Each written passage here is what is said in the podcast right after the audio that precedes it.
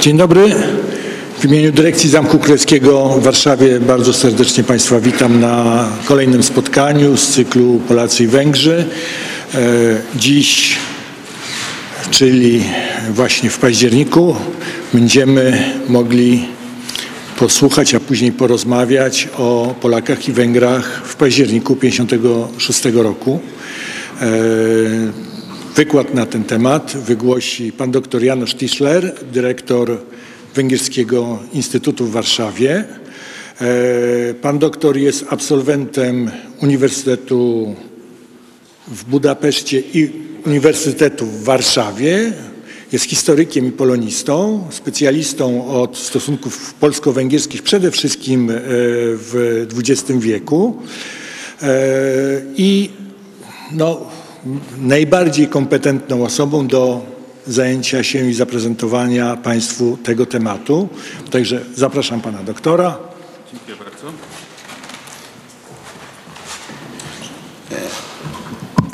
Dzień dobry Państwu. E, Czuję się trochę nieswojo, ponieważ jestem tej, dzisiaj jestem w takiej sytuacji, o której mówi się na Węgrzech, że to jest ta chwila, kiedy inni wiszą kata, bo jak zawsze jesteśmy współgospodarzami właśnie razem z e, Muzeum e, Zamku Królewskiego e, tego całego cyklu polsko-węgierskiego, to zapowiadamy regularnie prelegentom, a, a potem właśnie zajmujemy miejsce. No teraz jest to odwrotnie. Ja nie zabieram głosu dlatego, żeby powitać Państwa, a potem zaprosić prelegenta do mikrofonu, tylko właśnie tym samym ja sam będę prelegentem.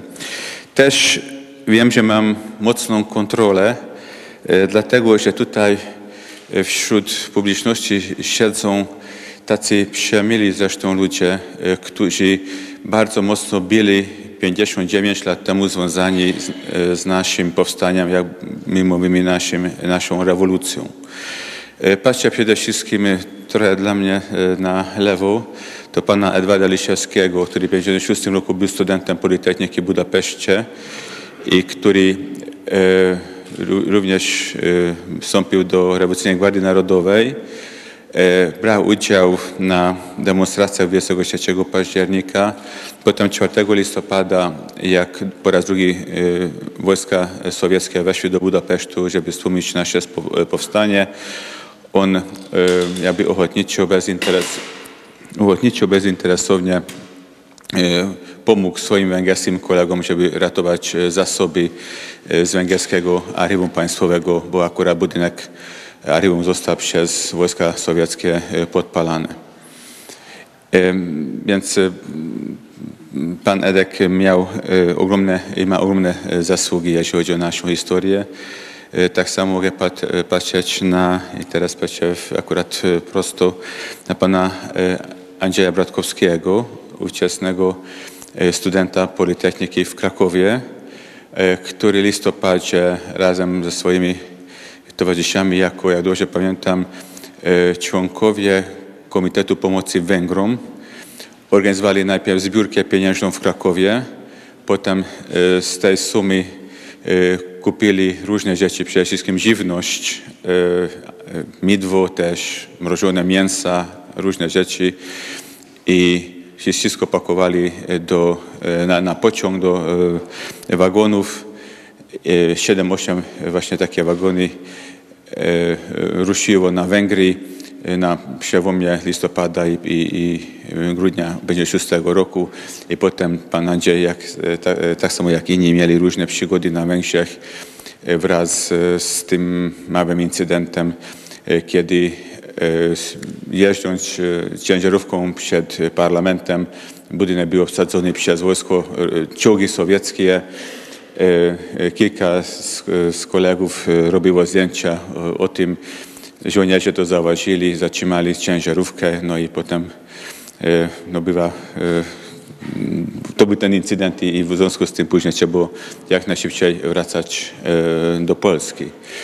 Też mogę patrzeć tutaj przede mną akurat na pana Leszka Fabryckiego, który w okresie jak Polacy masowo dali krew dla braci Węgrów, to on również to uczynił I potem dzień później, jak dobrze pamiętam, albo 30, albo, albo 29, albo 30 października trafił na czołówkę, chyba to była Głos Pracy, e, jako, jak Warsza, warszawiacy ofiarnie oddawają krew dla braci Węgrów.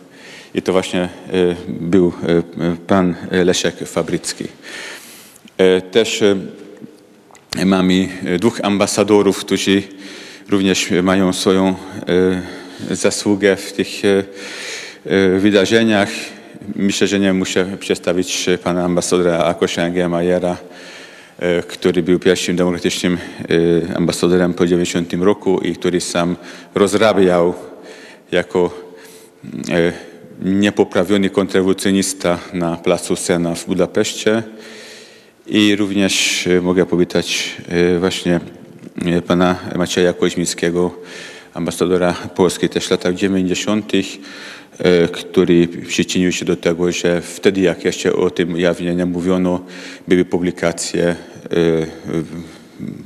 polsku, e, po polsku drugim obiegu, też o innych sprawach po węgiersku i ten sposób jakby podtrzymać żywą pamięć o tych wspólnych wydarzeniach. Nie chciałbym przeciągnąć. Na początku mam zamiar puścić film. To jest krótki film, trzyminutowy, e, nakręcony na przełomie października i listopada 1956 roku przez ówczesnych studentów Wyższej Szkoły Filmowej e, z Łodzi, e, którzy przybyli akurat wtedy do Warszawy i jako przyzwoici studenci mieli przy sobie kamerę, włączyli ją i utrwalili właśnie tę gorączkę, gorączkę jakiej e, Warszawa żyła, żeby e, pomóc Węgrom.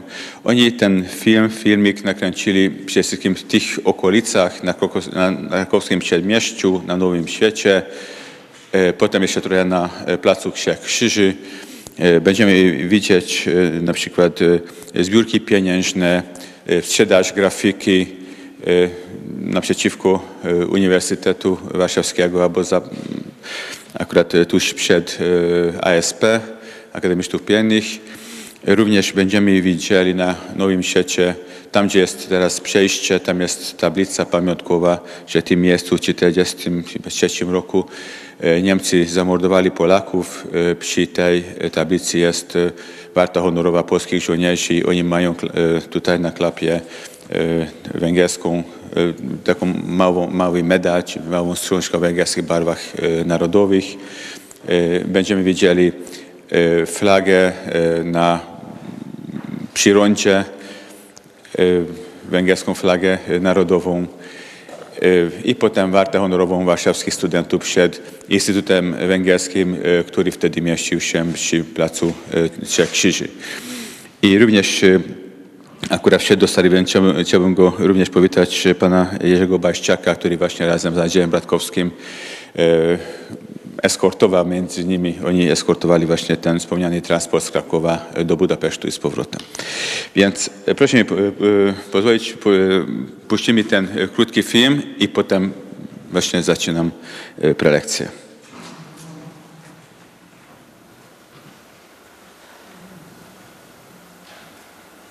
Muzyka leci pod filmem i jeszcze trzeba wiedzieć, że potem ten film został zachowany przez jednego z tych studentów, e, którzy e, to nagrali i pod koniec lat 90. albo może nawet później e, właśnie e, został to odnaleziony. Więc proszę to zobaczyć.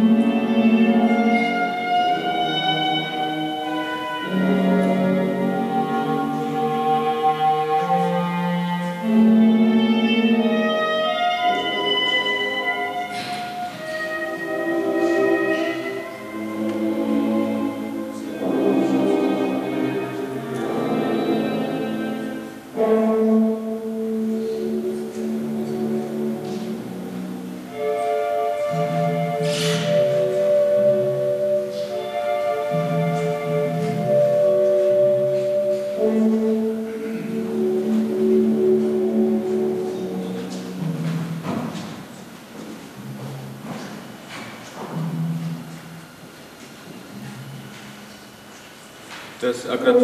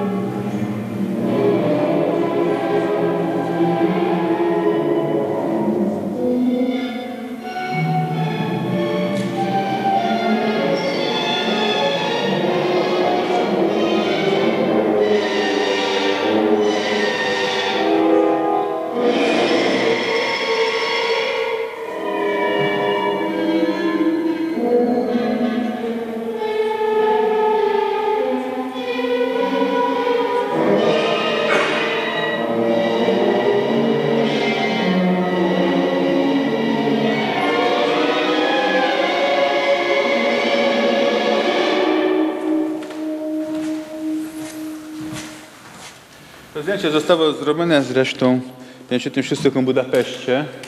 Ja to traktuję jako, to jest zawód czy zadanie historyka. Akurat przestały walki, jest spokój, nie wiadomo jeszcze jak długo potrwa, ale on już siedzi, to nie historyk oczywiście, to malarz, artysta, ale uważa, że musi utrwalić to, co widzi wokół siebie. Bardzo lubię to zdjęcie, więc dlatego to y, y, tutaj zamieściłem. Y, Ale musimy trochę cofać w czasie, żebyśmy mogli y, lepiej rozumieć, y, dlaczego akurat w 1956 roku y, taką bardzo wiodącą rolę y, w tym naszym regionie odegrali właśnie y, Polacy i Węgrzy, ale też możemy od, od razu y, zadać y, pytanie, y, dlaczego jednak na Węgrzech doszło do y, zbrojnego buntu przeciwko y, dyktaturze komunistycznej, a w Polsce udało się, wiem, że był poznaczy Ciewiec i nie e, neguję jego znaczenia, wręcz przeciwnie, E, ale to był, to był mocno lokalizowany i, i stłumiony e, stosunkowo szybko, a, a rewolucja na Węgrzech to trwała prawie dwa tygodnie i wstrząsnęła e, całym światem. Więc jak do tego doszło, że w październiku 1956 roku na Węgrzech, a nie, nie w Polsce wy- wybuchło to niezadowolenie. Oczywiście wydarzenia w, w Po- Poznaniu, Poznański Ciewiec e, miał swoje znaczenie, jeżeli chodzi o węgierski październik, ponieważ to też był taki sygnał na Węgrzech, że jednak można, można się buntować przeciwko e, systemowi, że, że nie tylko Węgrzy uważają, że dosyć tego, e, ale też właśnie są tacy e, w Polsce. Wtedy ludzie umieli czytać pomiędzy wierszami. E, Jak e, czytali prasę, to umieli e, przywapać e, to, co było najważniejsze. I to lepiej to rozumieć. E, Chciałbym przytoczyć to i proszę e, zwracać uwagę na to, że jakie to e, bardzo e, podobny język, jak tutaj, jaki tutaj, jakiego tutaj używał ówczesny premier polski Józef Cyrankiewicz, mówiąc o odrąbaniu rąk. Ja chciałbym krótko cytować, co mówił węgierski przywódca partyjny Maciaś Rakosi e, publiczne, e, publicznie na temat wydarzenia czy wydarzeń e, w Poznaniu. I myślę, że warto to e, posłuchać. Prowokacja poznańska ukazuje, że obecnie wróg chwyta się wszelkich środków, by e, zniewecić osiągnięcie 20 zjazdu Komunistycznej Partii Związku Sowieckiego i wprowadzić napięcia pomiędzy partią a masami pracującymi. Według najnowszych doniesień poznańska, poznańska prowokacja związana jest z faktem, że w związku z targami w mieście e, przebywało tam wielu cudzoziemców, zaś kilka dni wcześniej Amerykanie rzucili w pasie granicznym kilka uzbrojonych e, spadochronowych grup dywersyjnych. E, Tacy ludzie jak Maciaś Rakosi albo Bolesław Bierut czy inni tylko w ten sposób mogli sobie wyobrazić, dlaczego może pójść do, czy dojść do nie, nie, wybuchu niezadowolenia e, w różnych e, miejscach w tym przepięknym systemie. Em, I jeżeli już mówimy o Maciasiu Rakosim, u nas są kłótnie czy dyskusje po- pomiędzy historykami, że jednak dlaczego w 1956 roku to, to, to Węgry e, jednak e, w ten sposób e, wystąpili e, przeciwko tej dyktaturze. E, Są tacy, którzy e, stwierdzają, że może dlatego, że prosimy dobrze rozumieć, Polacy otrzymali pewien posag od Stalina, bo chociaż z jednej strony odebrano e, wschodnie tereny Polski, ale z drugiej strony e, coś jednak e, zostało przywrócone albo oddane e, e, Polsce te właśnie zachodnie tereny. A w przeciwieństwie do tego Węgrom tylko odebrano, jak i po I wojnie światowej, ale tak samo po II wojnie światowej, bo trzeba wiedzieć, że po II wojnie światowej nie przywrócono tzw. granic wytyczonych w 1920 roku w Trianon, tylko je, jednak jeszcze nam odebrano prawie 50 kilometrów kwadratowych e, pod Bratysławą.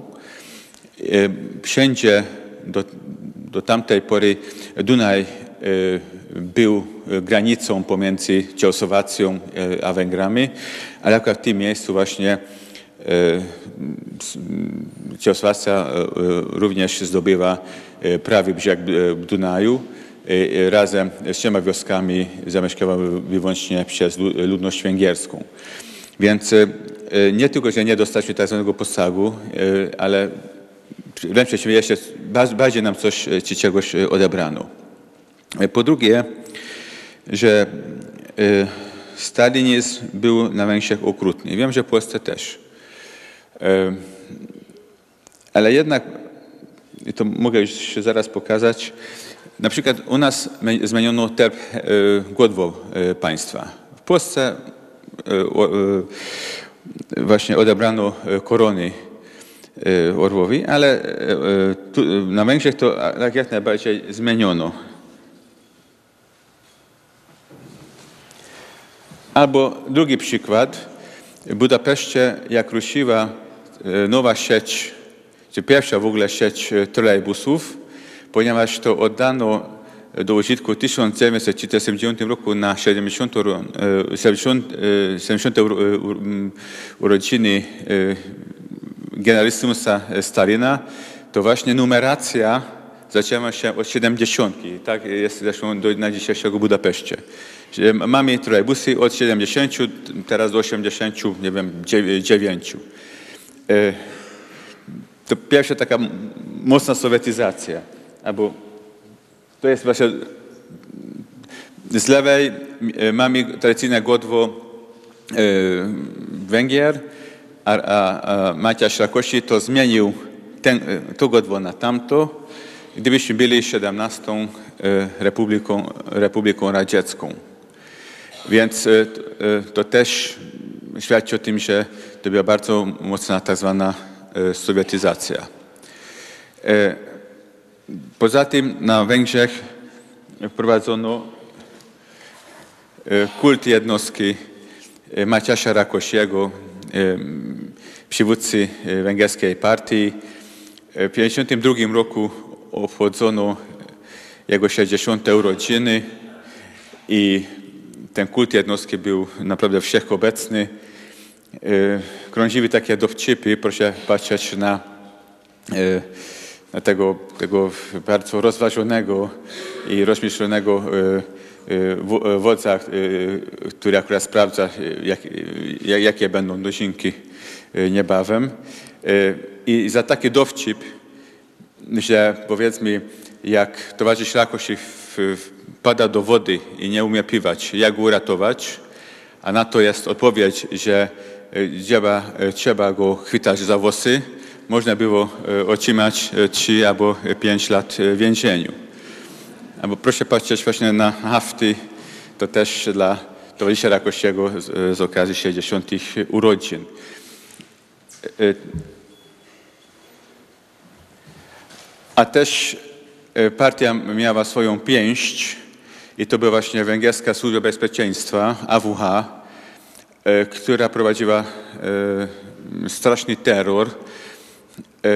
Ich ulubioną metodą, metodą było to, że około 5-6 nad ranem aresztowano e, człowieka z podejrzanych, bo przypuszczano, że wtedy nawet e, najbardziej zagorzały e, przeciwnik systemu jednak śpi w swoim łóżku.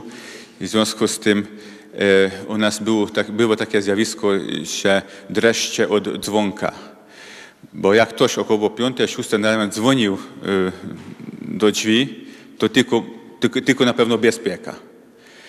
E, Też e, krążyły takie dowcipy wtedy, że właśnie około pół do szóstej e, nad ranem ktoś dzwoni do pewnego mieszkania i przerażony gospodarz otwiera drzwi i, i tam stoi dwóch takich bardzo charakterystycznie ubranych e, panów, a ten biedny to już naprawdę ma wielkie dreszcze. Wtedy jeden z nich mówi, że uspokój się towarzyszu, e, przyszliśmy bo ciebie, a nie przeciwko tobie. Za to też można było kilka lat e, otrzymać spokojnie. Mówi się, że właściwie nie było na Węgrzech takiej rodziny, e, która nie została dotknięta aresztowaniem e, przynajmniej jednego e, członka tej rodziny.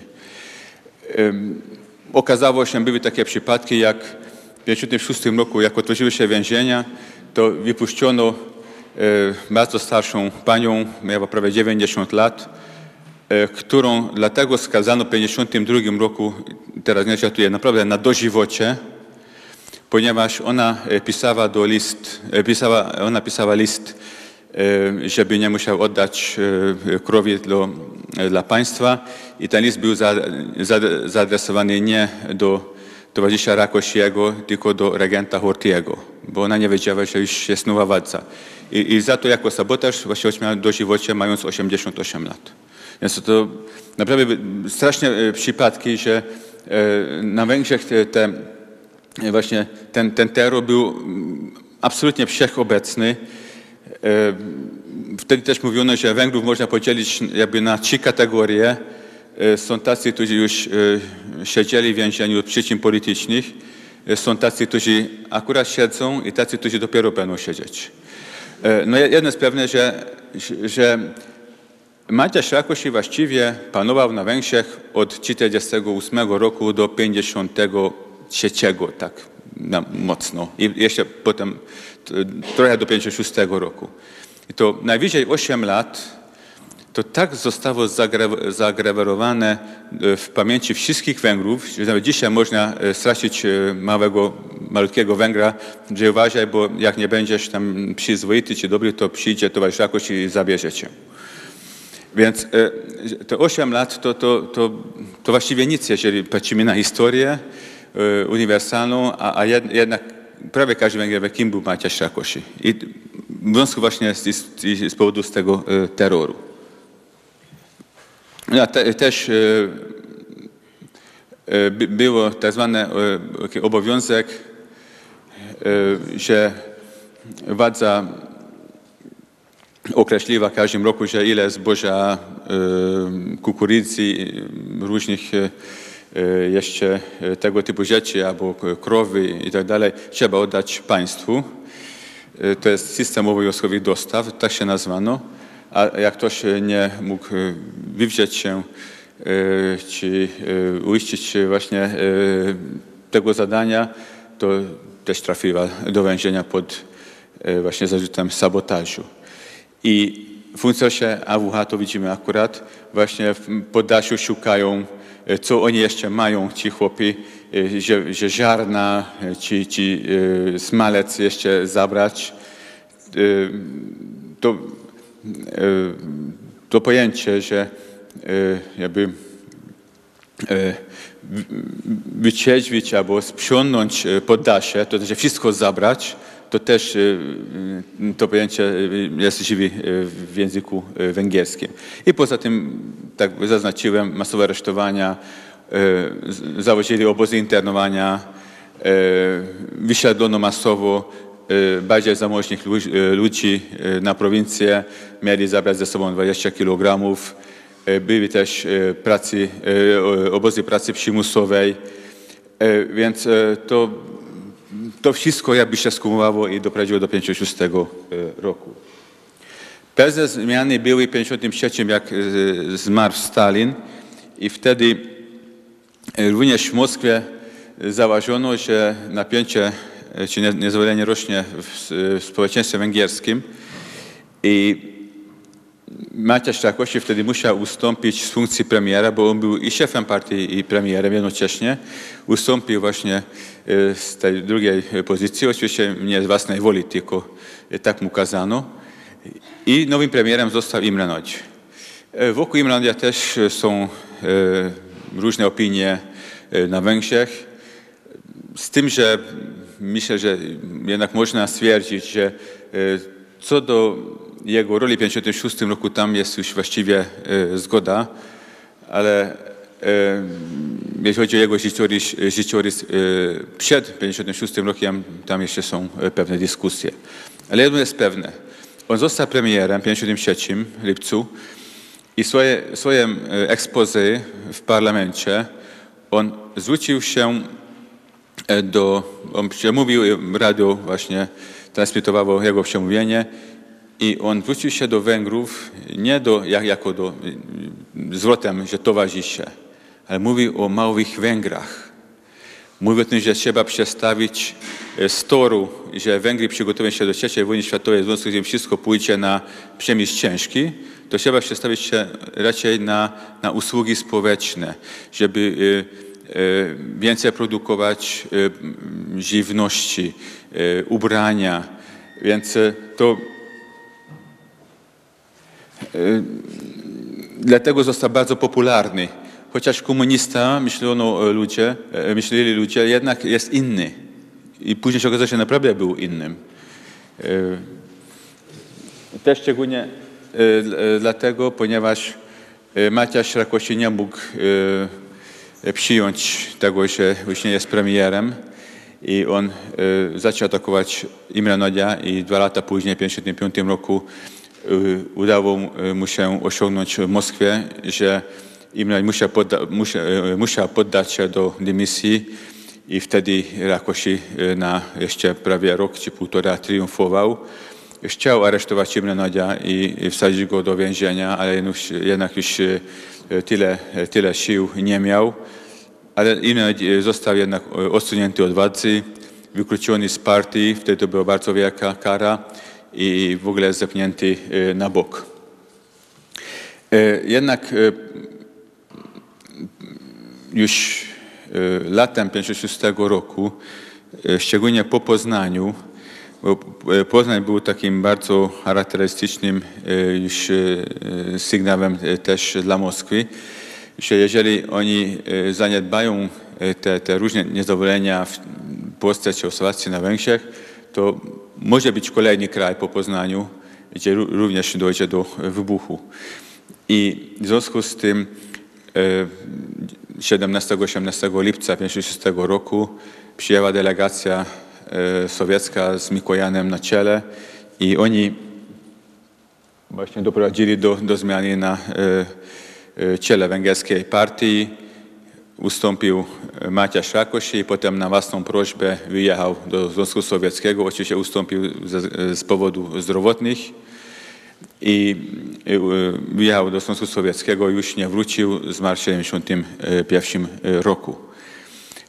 E, Na, je- na, na jego miejsce wybrano Erno Gery, który był jego prawą ręką i niczym lepszym niż sam Maciaś Rakosi. Więc były zmiany na Węgrzech, ale, ale to były jakie zmiany bez zmian właściwie. Zresztą nie tylko e, Rakosi mówił w ten sposób o, o Poznaniu, jak e, to właśnie zacytowałem, ale również Mikołaj, który był w Budapeszcie, żeby właśnie przeprowadzić te zmiany.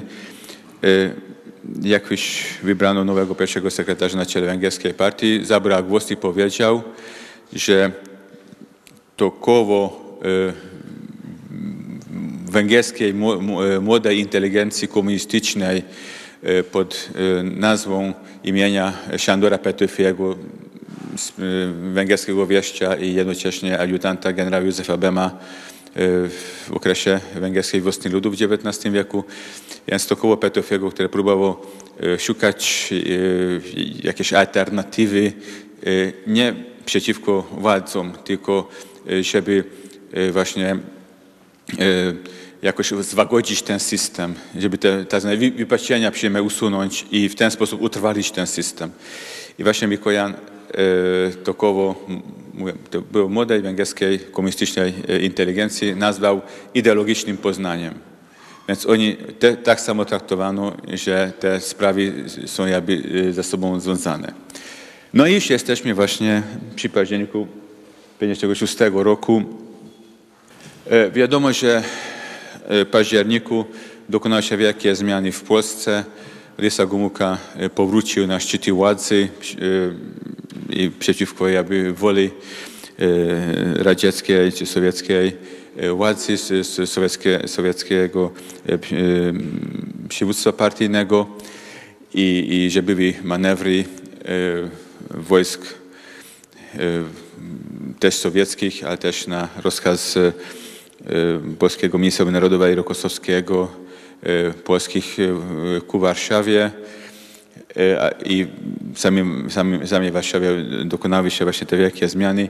Jak te wieści dotarły na Węgry, wtedy studenci przede Politechniki 22 października, dzień wcześniej, postanowili zwołać wiec, żeby wyrazić solidarność z Polakami i z polskim narodem.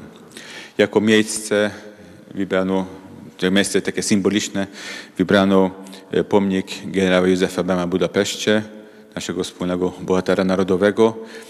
I ten, ten wielką demonstrację zwołano na dzień następny, to znaczy 23 października. Tutaj widzimy właśnie pochód studentów Uniwersytetu Budapeszteńskiego maszerujących akurat e, pod pomnik Bema ze strony e, Pesztu. E, Tam jest napis Solidarność z Polakami. Widzimy ówczesne godło polskie. Tutaj widzimy marsz studentów Politechniki Budapesztańskiej pod pomnik generała Bema na przodzie pochodu polska i węgierska flaga. I już jesteśmy właśnie pod e, pomnikiem e, generała Józefa e, Bema.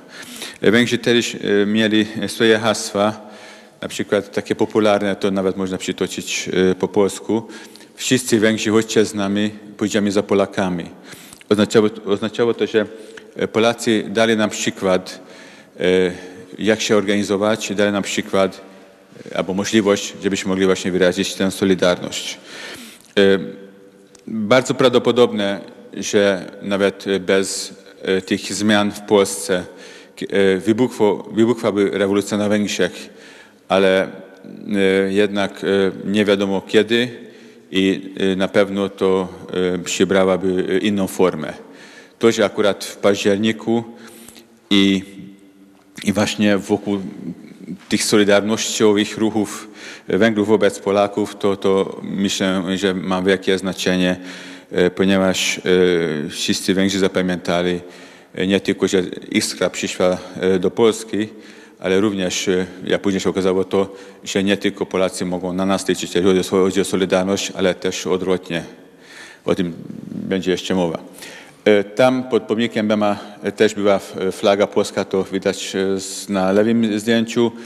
Byli tam również polscy pisarze, akurat e, delegacja e, Związek Literów Polskich przybyła w Budapeszcie.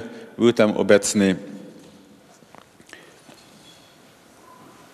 Był tam obecny Adam Wazik, który potem pisał wiersz właśnie o tym, ale tam również zabrał głos Zbigniew Herbert, e, który napisał ten bardzo znany wiersz.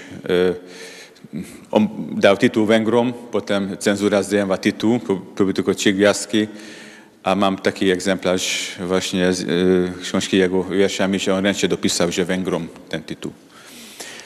E, Potem ten tłum e, spod pomnika generała Bema e, poszedł na drugą stronę Dunaju e, pod e, parlament. E, Wtedy już nie było tylko tłum e, studentów e, węgierskich, to już było po, po południu i w związku z tym już robotnicy wracający z pracy również przychodzili do e, tłumu i wobec tego ten tłum e, coraz, coraz się zwiększał.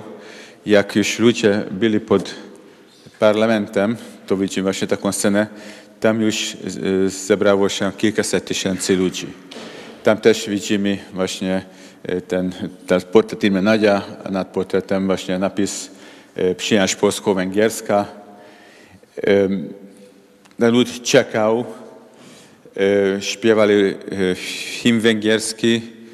E, Trzeba wiedzieć, że po 1938 roku nie wolno było śpiewać hymnu węgierskiego.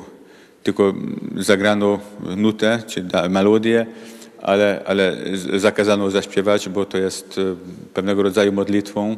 Zaczyna się od zwrotu e, Panie Boże, bo, bo, pobłogosław Węgrów, a komuś mówili, że to państwo ateistyczne, nie weźmiemy Boga, w związku z tym nie wolno śpiewać. E, Tutaj ten tłum już poczuł, że razem są silni i śpiewali właśnie e, hymn e, węgierski. E, Też e, śpiewali hymn e, polski, czego akurat świadkiem był pan Edward Liszewski, e, który też był w tym tłumie razem z innymi studentami z Polski, albo z Polski, albo, albo e, z, tymi, którzy e, studiowali na Politechnice w Budapeszcie. Ale też byli tacy, którzy e, znali e, ten e, pieśń Boże coś polskie z węgierskim tekstem, e, ponieważ do końca II wojny światowej w węgierskich szkołach uczono, jako hymn polski uczono właśnie Boże coś polskie z tym węgierskim tekstem. E, Potem ten lud czekał na pojawienie się Imre Nodia, że niech Imre coś do nich mówi. E, Czekali godzinami i byli tacy, którzy odłączyli się od, od, od tego tłumu i poszli do, e, pod pomnik e, Stalina. Myśmy pierwsze do Polski, mieliśmy taki świetny pomnik. Cokół 10 metrów wysokości, sam pomnik jeszcze kolejne 8. To jakiś ponad trzypiętrowy dom. I żeby wnieść ten pomnik, e, na przykład zburzono kościół, gdzie było tam miejsce. I e, ludzie obalili ten pomnik. To trochę potrwało, bo okazało się, że Stalin był mocno przymocowany do, do, do cokołu. E, W końcu wysokości kolan świercono dziury z jednej strony, a z drugiej strony nawożono liny na szyi Stalina i ciągnikami właśnie e, zdjęto Stalina. Jeszcze właśnie to potężne ciało zaciągnięto mm, do śródmieścia Budapeszcie. E, Później się okazało, że jakieś wybuchy walki, e, że Stalin jest też świetną barykadą. Można właśnie używać jako barykady. Tyle zostało z pomnika Stalina i nawet dostała nazwę, to jest e, Plac Butów, jako znakomity Plac Butów e, numer jeden.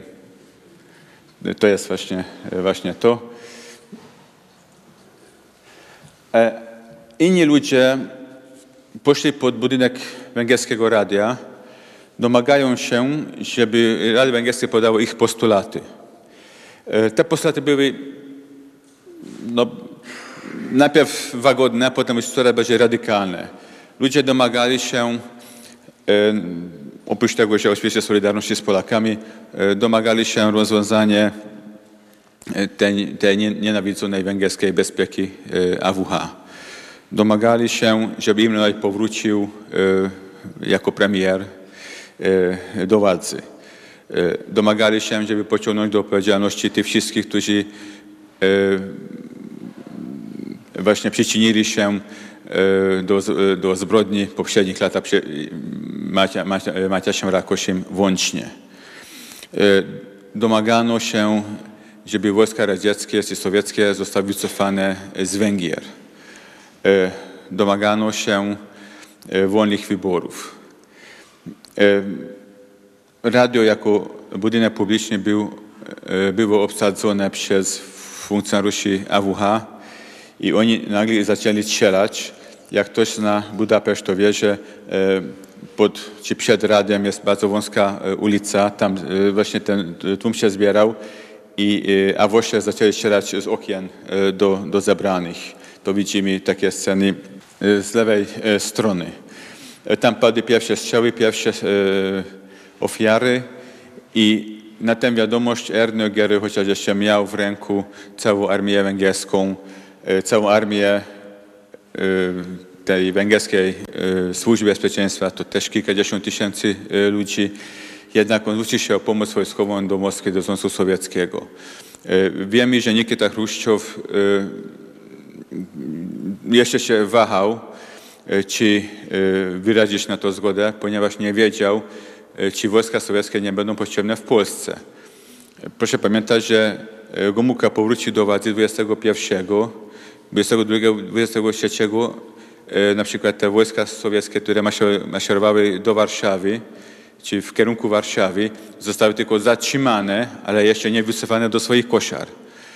E, I, i, i Ruszow nie chciał od razu jakby walczyć na dwóch frontach. W związku z tym e, najpierw nie zgodził się na to, żeby na Węgrzech również interweniowały wojska sowieckie, był jeszcze jeden telefon od Ernögery, potem ambasador, ówczesny ambasador e, radziecki, e, Jurij Andropow, który później został i szefem KGB, a potem e, też przywódcą Związku Sowieckiego, w końcu namówili Chruszczowa. I w związku z tym w nocy 23 do 24 października te wojska sowieckie, które stacjonowały na Węgrzech, to było kilka tysięcy, mobilizowano kilkadziesiąt tysięcy żołnierzy sowieckich, ale kilka tysięcy weszło do Budapesztu i prawie 300 czołgów sowieckich.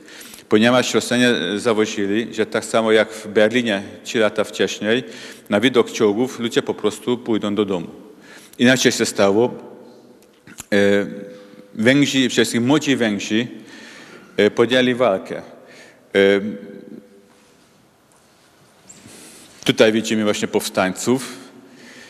E, To, to było w ogóle e, jakby e, bankructwo całej komunistycznej indoktrynacji edukacyjnej na Węgrzech.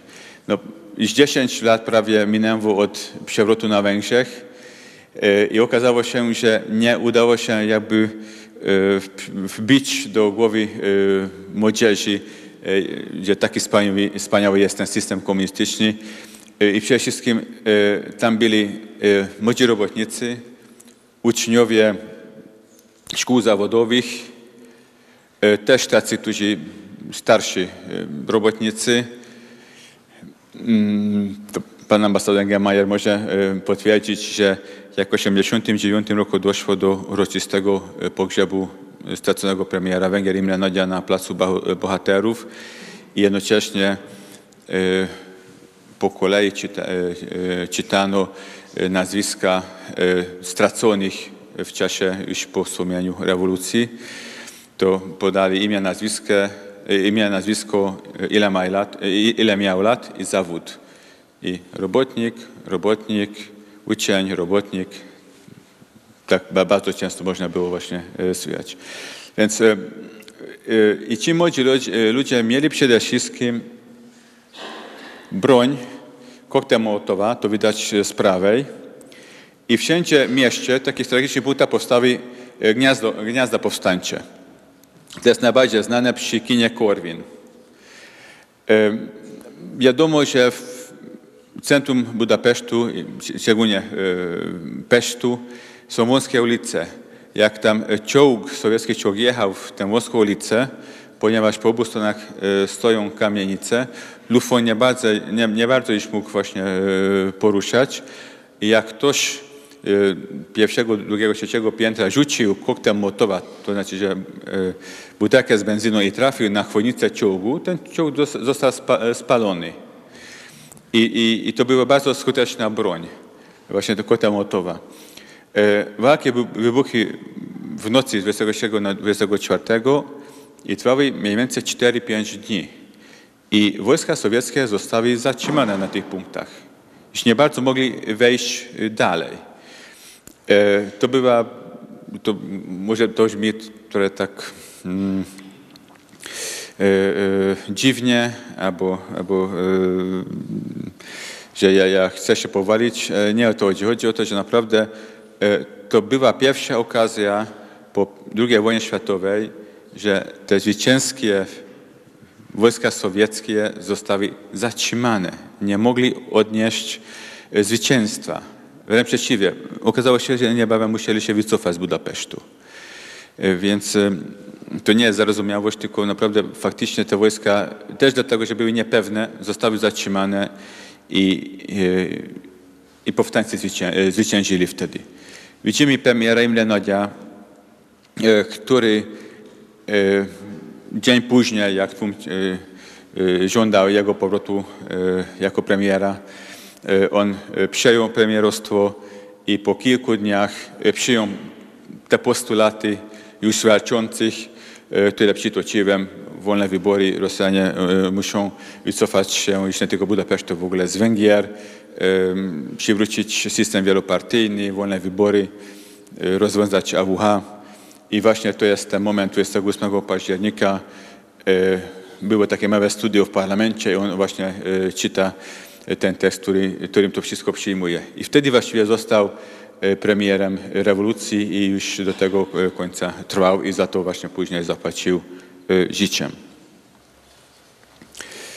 I zgodnie z jego zapowiedzią wojska sowieckie e, 29-30 października wycofały się z Budapesztu. E, Lud tam patrzył i ludzie, zwyciężyli, e, ludzie mieli poczucie, że zwyciężyli, że, że może tym razem się uda. E, Ludzie nie do końca wiedzieli, czego chcą, wiedzieli, czego nie chcą. Nie chcą dyktatury. By, były jakieś, jak, jakieś tam, tam, tam pojęcia, że może na wzór Austrii mm, niech będzie taki neutralny kraj, te Węgry. Albo, albo że iść przykładem Jugosławii. E, Węgrzy nie wiedzieli, jaki jest system polityczny Francji czy, czy e, gdzieś indziej, ale widzieli te przykłady w pobliżu, e, no właśnie chodzi nasze, e, naszych sąsiadów, że tam trochę inaczej to wszystko wygląda niż u nas. I to wzięli właśnie za wzór.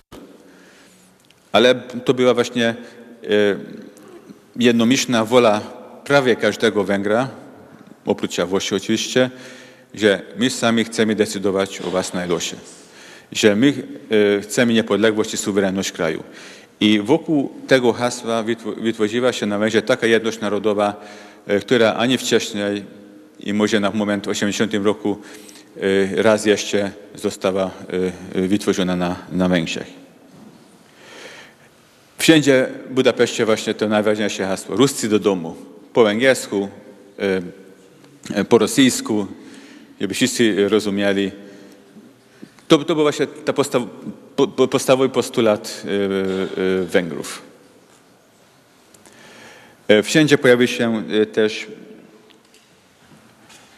flagi węgierskie. Wy- Wycięto właśnie to komunistyczne godło, które pokazałem na, na początku.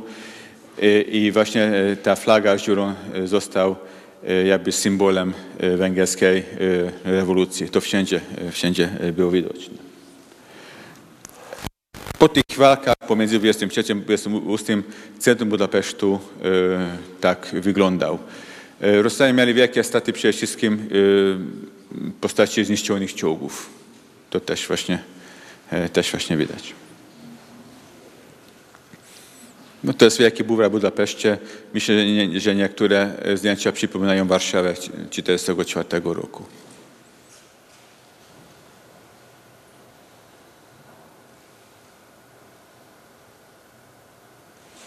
E, Czerwone gwiazdy też zostały z- zdjęte wszędzie, e, też z różnych e, pomników, z, bu- z budynków.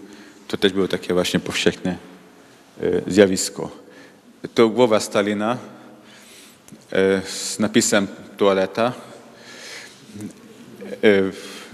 No proszę zobaczyć, sama głowa jak, jaka duża była, bo tam właśnie ludzie obok stoją.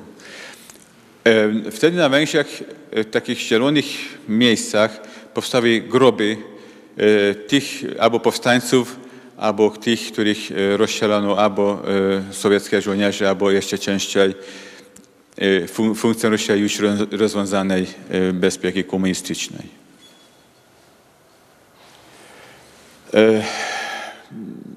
Janusz Kadar, który był nawet ministrem bezpieki rządu Imre Nagya i trzymał się razem z nim i został e, szefem też partii po tym, jak Ernő Gero ustąpił pod koniec października. E, Janusz Kadar e, z 1 listopada dostał, jak się, mówi- jak się mówi, propozycję nie do odrzucenia. Został z Moskwy poinformowany, że Związek Sowie- Sowiecki nie, nie zgodzi się na to, żeby e, stracić Węgier, e, żeby Węgry mogli wystąpić z tego obozu komunistycznego. I wtedy Kadar miał wybór, że albo przejdzie na, na stronę Rosjan, albo zostanie, albo po prostu podzieli los e, Imre Nagya. On wybrał to pierwsze i e, w tajemnicy pojechał 1 listopada do Moskwy i tam stanął na czele tak zwanego węgierskiego rządu robotniczo-chłopskiego. To był rząd marionetkowy, został formowany e, czy stworzony na Kremlu i, i te Sowieci e, wytypowali e, każdego członka tego rządu. Jego akurat jako premiera. 4 listopada nastąpiła druga inwazja z wojsk sowieckich. Już były inne wojska wymienione, ściągnięte z, z środkowej Azji, którym mówiono, że e, jedziemy do Berlina walczyć e, z faszystami albo e, nad kanał Suezki, żeby tam walczyć z imperialistami. Więc nie dziw, że e, ci żołnierze Dunaj podzielający Budapeszt na, na dwie części e, uważali e, za kanał Suezki albo pytali e, przechodniów, że, gdzie, gdzie jest Reichstag. Więc e, e, oni w ogóle nie wiedzieli, e, gdzie, są, ale strasznie się bali. Więc strzelali, strzelali, strzelali i oni już używali najnowocześniejszej techniki wojskowej. Tam już nie było czołgów typu T-34, tylko e, T-55, najnowsza generacja, 55 to rocznik 55. I, I tam już koktajl Mołotowa w, w, po prostu nie zadziałał. I w związku z tym e, ten zbrojny opór na Węgrzech trwał kilkanaście dni. Tak na przykład po walkach 8, 7-8 pa- e, listopada e, wygląd, wyglą- wyglądał zaułek Korwina, właśnie ten, e, te, to znane e, gniazdo powstańcze. Też prawie wszystko zostało e, zniszczone. I znowu właśnie te, te ceny, Rosjanie strzelali do wszystkiego, co się ruszyło. E, Też do szpitali, bombardowali miasto. I weszli z taką, ta przewaga e, tych wojsk była ogromna. Ponad 60 tysięcy, prawie 70 tysięcy e, za- uzbrojonych żołnierzy przeciwko kilku tysiącom, tysiącom powstańców, bo armia węgierska w tym nie, nie brała udziału. Tu na przykład widzimy, tam jest szpital, przed kaplica świętego Rucha, też właśnie została odcieliwana. Węgrzy zaczęli uciekać z kraju. Prawie 200 tysięcy osób już nie życzyło sobie powrotu komunizmu. E, Poszli do Austrii, tamtąd wyjechali do różnych krajów, do Stanów Zjednoczonych, do Kanady, e, do Niemiec, e, do Wielkiej Brytanii. To była właśnie taka pierwsza po II wojnie światowej ogromna fala uchodźca w Europie. E, Widzimy najmłodszego, najmo- najmłodszą ofiarę represji, które już niebawem wystąpi, czy, czy rozpoczęły się na Węgrzech. Janusz Kadar nie mógł wybaczyć, że właśnie ten system komunistyczny, który mówił o sobie, że będzie e, wiecznie trwać, został obalony w ciągu jednego dnia, właściwie 23 na 24 października. E, Nie mógł wy- wybaczyć, że właśnie robotnicy, przeważnie robotnicy walczyli przeciwko e, wojskom sowieckim i e, rozpoczął straszny odwet. Peter Mansfeld to rocznik 1941 roku. Właściwie w rewolucji nie odegrał tej większej roli, był łącznikiem pomiędzy różnymi e, grupami powstańczymi, ale po tym jak stłumiono rewolucję, on e, chciał organizować razem ze swoimi kolegami e, opór, zbrojny opór, rozbili milicjanta, chcieli uwolnić z więzienia swoich kolegów, którzy zostali aresztowani. Został zapany i on jakby, mm, ponieważ w tej grupie, e, którą aresztowano i, i, i e, której on też był członkiem, ten starszy, który miał już rodzinę, nawet miał dziecko, jego groziło, że zostanie skazany na karę śmierci, bo on już był pełnoletnim, a, a on miał tylko, jak to wszystko popełnił, e, 16 lat. W związku z tym wszystkie zarzuty on przejął na siebie, myśląc, że on, będąc niepełnoletnim, to nie e, otrzyma e, surowej kary. On nie wiedział, że ta tak zwana władza kadarowska tak się bała, że bała nawet dzieci, że w gru- grudniu 1956 roku przyjęto roz, rozporządzenie, wedle którego za udział w kontrrewolucji e, można e, już e, skazać ludzi na karę śmierci od 16 roku życia zwyż. Do tamtej pory na Węgrzech można było kogoś skazać na karę śmierci jakiś pewnie 20 rok życia, a oni zmieścili do 16 roku życia. I został skazany na karę śmierci i wykonano ten wyrok. Akurat kilka dni po tym, jak on został pełnoletnim, ale to już nie miało nic, e, ni- nic z tym związanego. E, Bo e, wiadomo, że już wcześniej właśnie ten wyrok został przyjęty. Wi- Widzimy premiera Imre e, który jak Rosjanie weszli po raz drugi do Budapesztu 4 listopada, schronił się w ambasadzie jugosłowiańskiej, został tam, tam zwabiony przez Jugosłowian. Oni chcieli wyklu, wykluczyć Imre Nagya, żeby on nie mógł e, wezwać Węgrów e, do żadnego oporu. Tam e, przebywał razem z innymi członkami swojego rządu i też e, z ich e, e, rodzinami e, prawie trzy tygodnie. Został pisemną gwarancję od tak zwanego rządu Kadara, że może opuścić dom, e, ambasadę jugosłowiańską i udać się do domu i nic mu się nie stanie. Jak opuścili dom, od razu zostali aresztowani, uprowadzeni do Rumunii, e, potem przywiezieni z powrotem rok później do Budapesztu i w tajnym procesie e, Imre Nagy i jeszcze kilka jego towarzyszy zostało e, skazanych na karę śmierci. Imre Nagy, gdyby chciał, mógłby uratować swoje życie, gdyby ustąpił z premierostwa.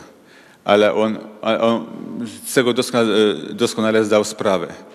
I swoim końcowym przemówieniu e, właśnie, i to chciałbym przeczytać, to jest e, bardzo krótka wypowiedź.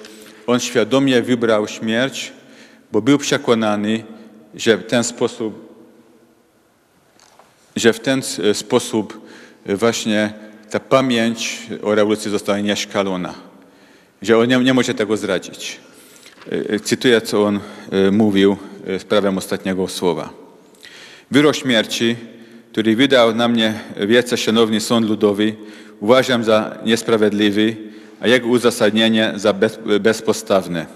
Dlatego ze swojej strony nie mogę go zaakceptować, choć wiem, że odowania nie dopuszczono.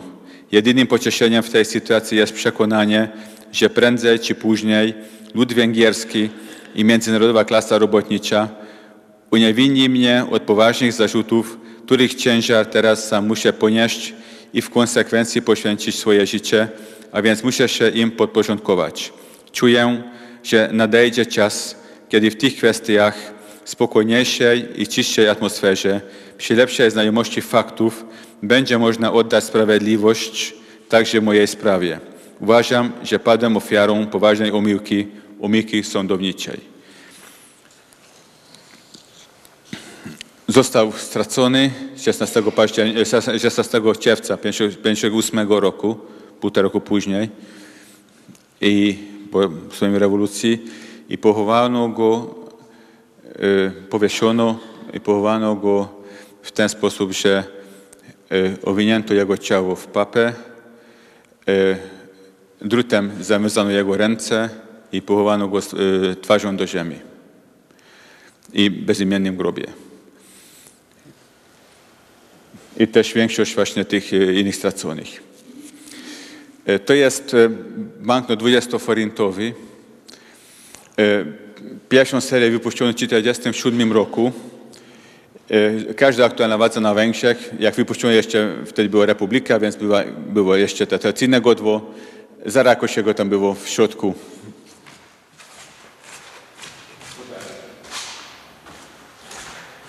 Tam było w środku e, logo, e, herb Rakosiego, a potem właśnie jak przyszła kadałowska władza, oni też e, wy- wymyślili nowe, nowy herb, czy nowe godło państwa. Tutaj na drugiej stronie tego manutu widzimy postać mężczyzny. On był bardzo znanym sportowcem na Węgrzech. Wielokrotnym mistrzem pięcioboju, e, taki tak zwany playboy Budapesztu. Został zamordowany przez e, AWH e, w czasie powstania i pomimo tego właśnie ta władza nadal umieściła go na, na tym banknocie. To, to, to jest właśnie ten cynizm tej władzy, że nawet swoje ofiary jakby e, widniały na, na e, banknocie. Widzieliśmy na filmie e, ten patrzący głową. Patrzący głową to jest właśnie symbolem rewolucji węgierskiej, e, węgierskiej rewolucji węgierskiej, rewolucji węgierskiej w Polsce. E, To jest to Franciszek Starowiejski robił właśnie tę grafikę i to jest powszechnie znanym symbolem po całej Polsce.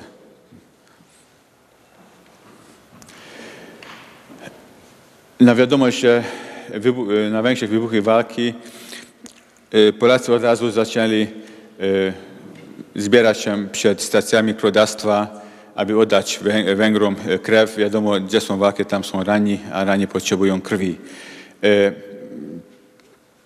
Pierwsi e, pojawili się już 24 e, października przed stacjami Kró- królestwa, a było ich, ich aż tylu, że jak ktoś e, w ogóle, że te stacje zaczęły pracować e, bez przerwy, non-stop. E, Po drugie, że jak ktoś chciał oddać krew, dostał numerek, na którą godzinę ma pójść. I też były takie, to też bardzo charakterystyczne na owe, jak na owe czasy, że na przykład w Jeleniej Górze posiedzenie tamtejszego, powiatu, e, tamtejszego e, miejskiego e, komitetu PZPR zaczęli od tego, że wszyscy członkowie tego komitetu poszli oddać krew dla Węgrów i potem dopiero właśnie przystąpili do, do swoich obrad. Polskie samoloty jako pierwsze wylądowały w Budapeszcie już 25 października. E, To była pierwsza pomoc z zagranicy dla Węgrów. E, Potem jeszcze w formie tych zbiórek pieniężnych, zaraz też będziemy widzieli takich e, scen. Polacy byli ci, którzy dali nam największe pomocy podczas powstania. Jeśli chodzi o wartość tych pomocy, to mówi się, że to jest prawie 2 milionów, wartości 2 milionów dolarów ówczesnych, ówczesnych, więc to trzeba pomnożyć przynajmniej 30 kilka razy, jeżeli chcemy mieć to e, obecne. I e, właściwie każdy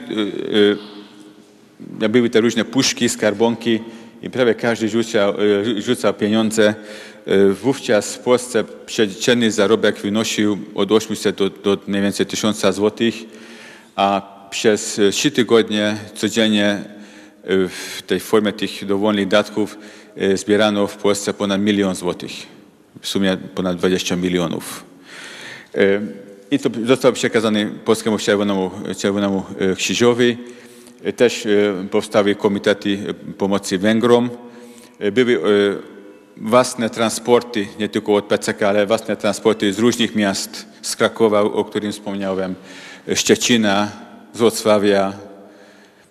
Więc ludzie, społeczeństwo polskie same się organizowało. To, to nie, nie, nie Gomułka dała e, tej pomocy. Go- Gomułka udzieliła pewnym e, e, sensie politycznej, politycznego wsparcia dla rządu Imre Nadia aż do początków listopada i nie sprzeciwił się Gomułka i nie zakazał tych wszystkich akcji wobec Węgrów. Nawiasem mówiąc, myślę, że gdyby chciał i tak nie mógł tego uczynić, ale faktem jest, że on e, nie, nie, nie robił tego. I, dla, I właśnie e, dlatego te wszystkie akcje, demonstracje, wiece, paczki, transporty mogły e, ruszyć na Węgry, tak akurat ze Szczecina, że prasa polska pisała wiarygodnie, rzetelnie o tym, co się dzieje na Węgrzech.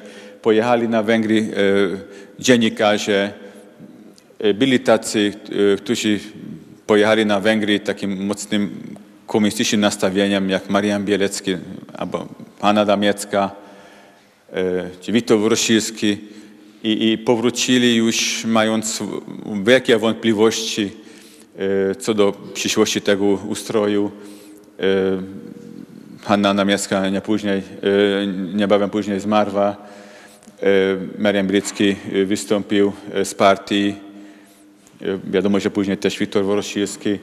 I oni dali ten, ten, te rzetelne informacje i tutaj cenzura akurat była w takim, takim stanie osłabiony, więc nie, zakazała przynajmniej podczas naszego powstania, zakazała tych wiadomości. W związku z tym w Polsce wytworzył się prawdziwy obraz o tym, co się dzieje na Węgrzech. I później nie można było wmówić Polakom, że na Wę- Węgrzech miała e, miejsce kontrrewolucja.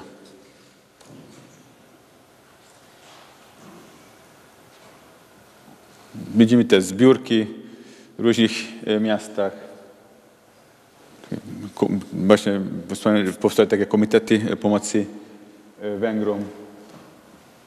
Wszędzie odbywały się właśnie te zbiórki pieniężne, jak, jak widzimy, ale również świece i wielkie demonstracje.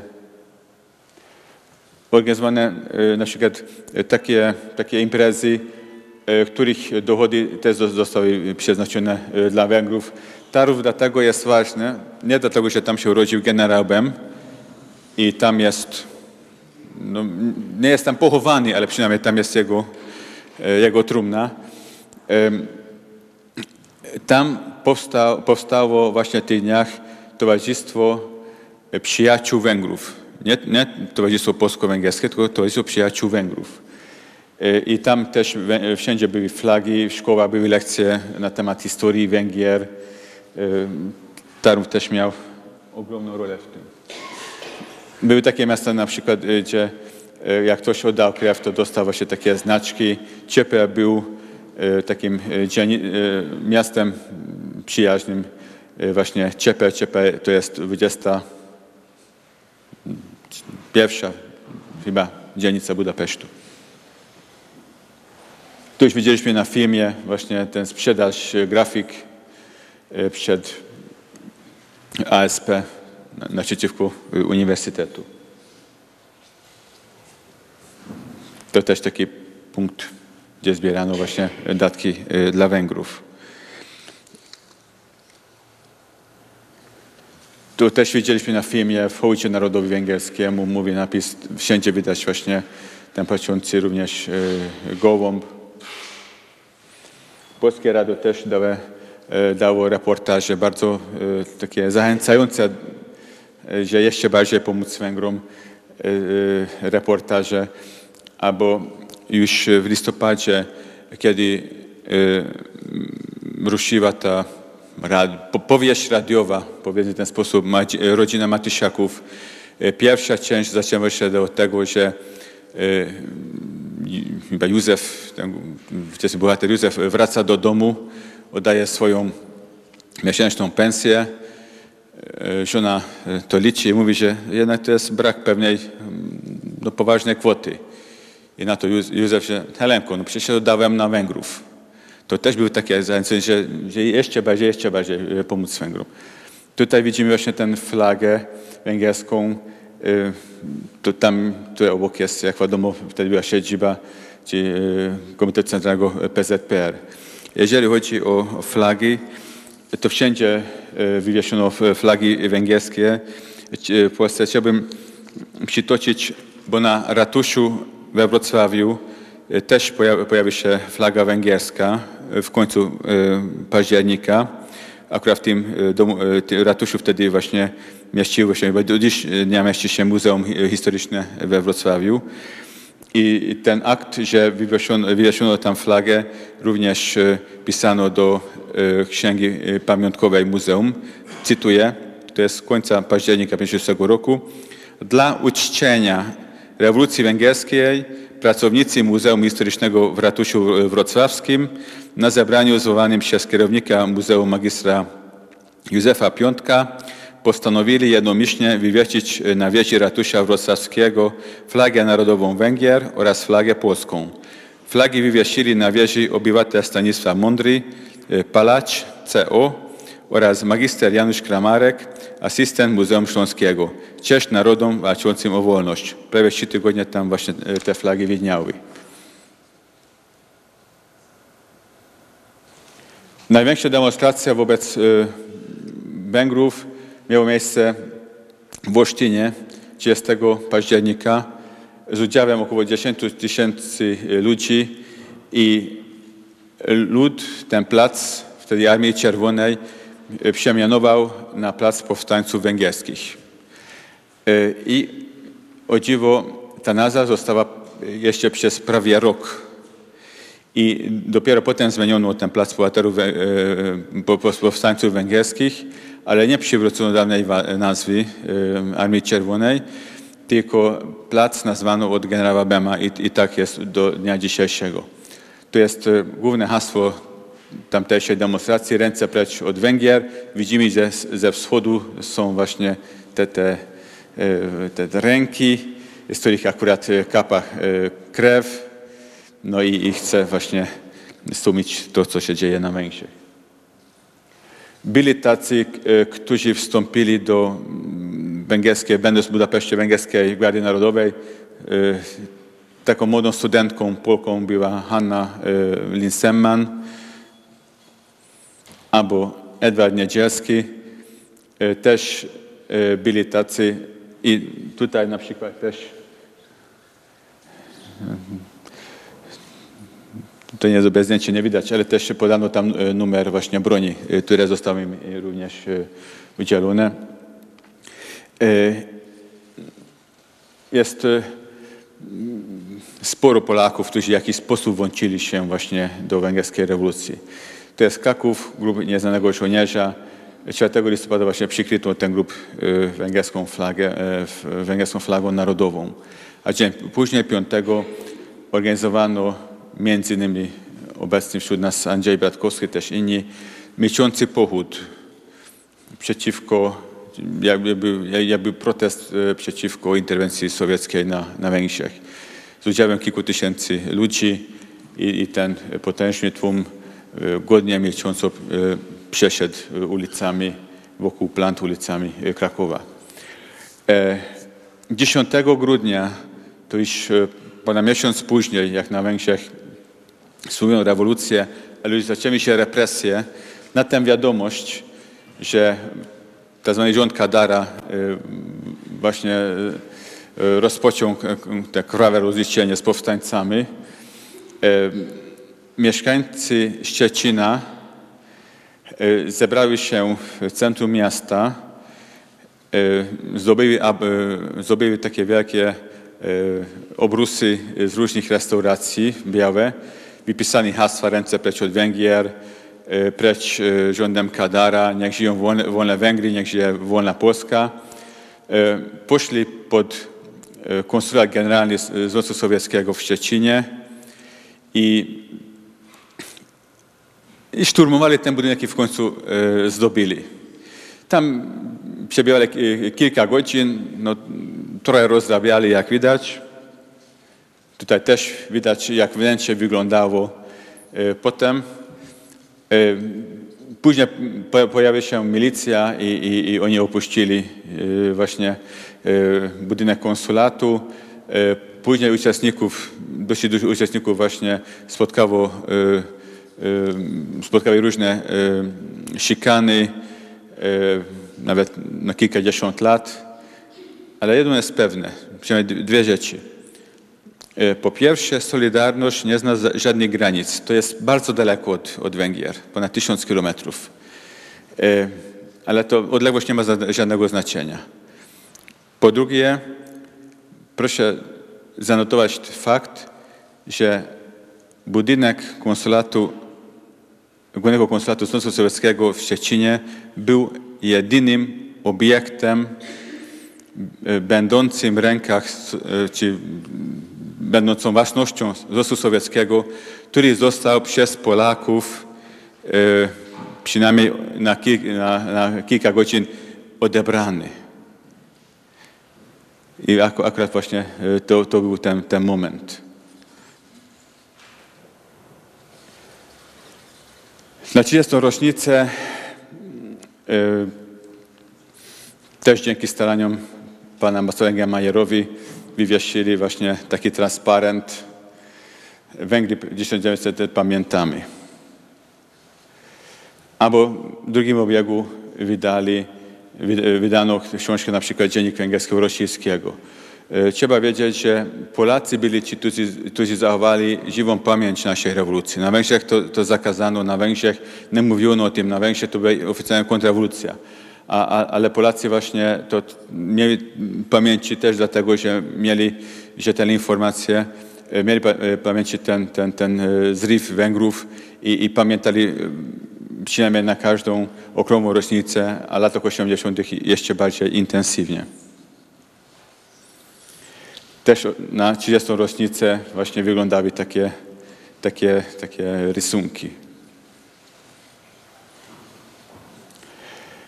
To jest e, w Miszkolcu e, tablica pamiątkowa e, Romka Strzałkowskiego jako, jako najmłodszej ofiary buntu czy powstania robotniczego Poznaniu. Do, do tego i też do tego, że podobna tablica została Poznaniu odsłonięta, poświęcona Petrowi Mansfeldowi jako ofra, e, ofiary węgierskiej rewolucji. Właśnie tego, że zostawi to odsłonięte, to tempa miał e, bardzo duży wkład, muszę powiedzieć. Nie, nie lubimy kultu jednostki, więc sami się, że tak, tak wszyscy e, poznają go pana Kosięga Majera. I to jest ta tablica, która została oswojona w 1986 roku. To pierwsza tablica w tym regionie ku czci rew- rewolucji węgierskiej. Dwujęzycznym e, e, napisem poległym i zamordowanym 30. rocznicę powstania węgierskiego 1986. E, I są różne tablice pamiątkowe już e, wszędzie w Polsce. To jest właśnie na, krakowskim Śródmieściu. To jest na ścianie Politechniki krakowskiej, to też między innymi staraniem właśnie pana Andrzeja Bratkowskiego, Jerzego Baściaka, też ujęzyczyć na, na 50. rocznicę e, rewolucji w Poz- Poznaniu. E, To wcześniejsza, ta obecna już trochę większa. We Wrocławiu tak, to, to jest prawie pomnik w Poznaniu na dworcu, skąd właśnie te transporty wyszły z pomocą dla Węgrów. Szczecinie na ścianie białego e, dawnego budynku konsulatu Związku Sowieckiego. E, To w Łodzi również. To jest e, Toruń, gdzie też bardzo mocny był ten ruch solidarnościowy z Węgrami. To jest Olsztyn, gdzie od- odbyła się ta duża demonstracja. To jest Gliwice. W Gliwicach była ostatnia demonstracja e, dla Węgrów e, 11 grudnia.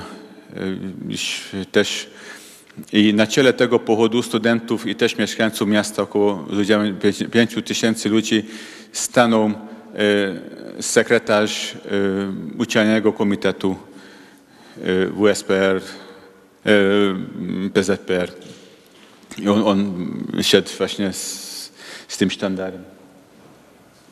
I to w Marcinkowicach, Marcinkowice e, przyjmowały e, dzieci węgierskie po sumieniu, e, po sumieniu rewolucji, które mo- mogły tam przebywać albo przejść, przejść re- rekonwalescencję, tam organizowano dla nich lekcje sz- szkołowe, opiekowali się nad węgierskimi dziećmi. I właśnie dlatego jest ta tablica. Pamiątkowa. A ja bardzo dziękuję za cierpliwość, za uwagę.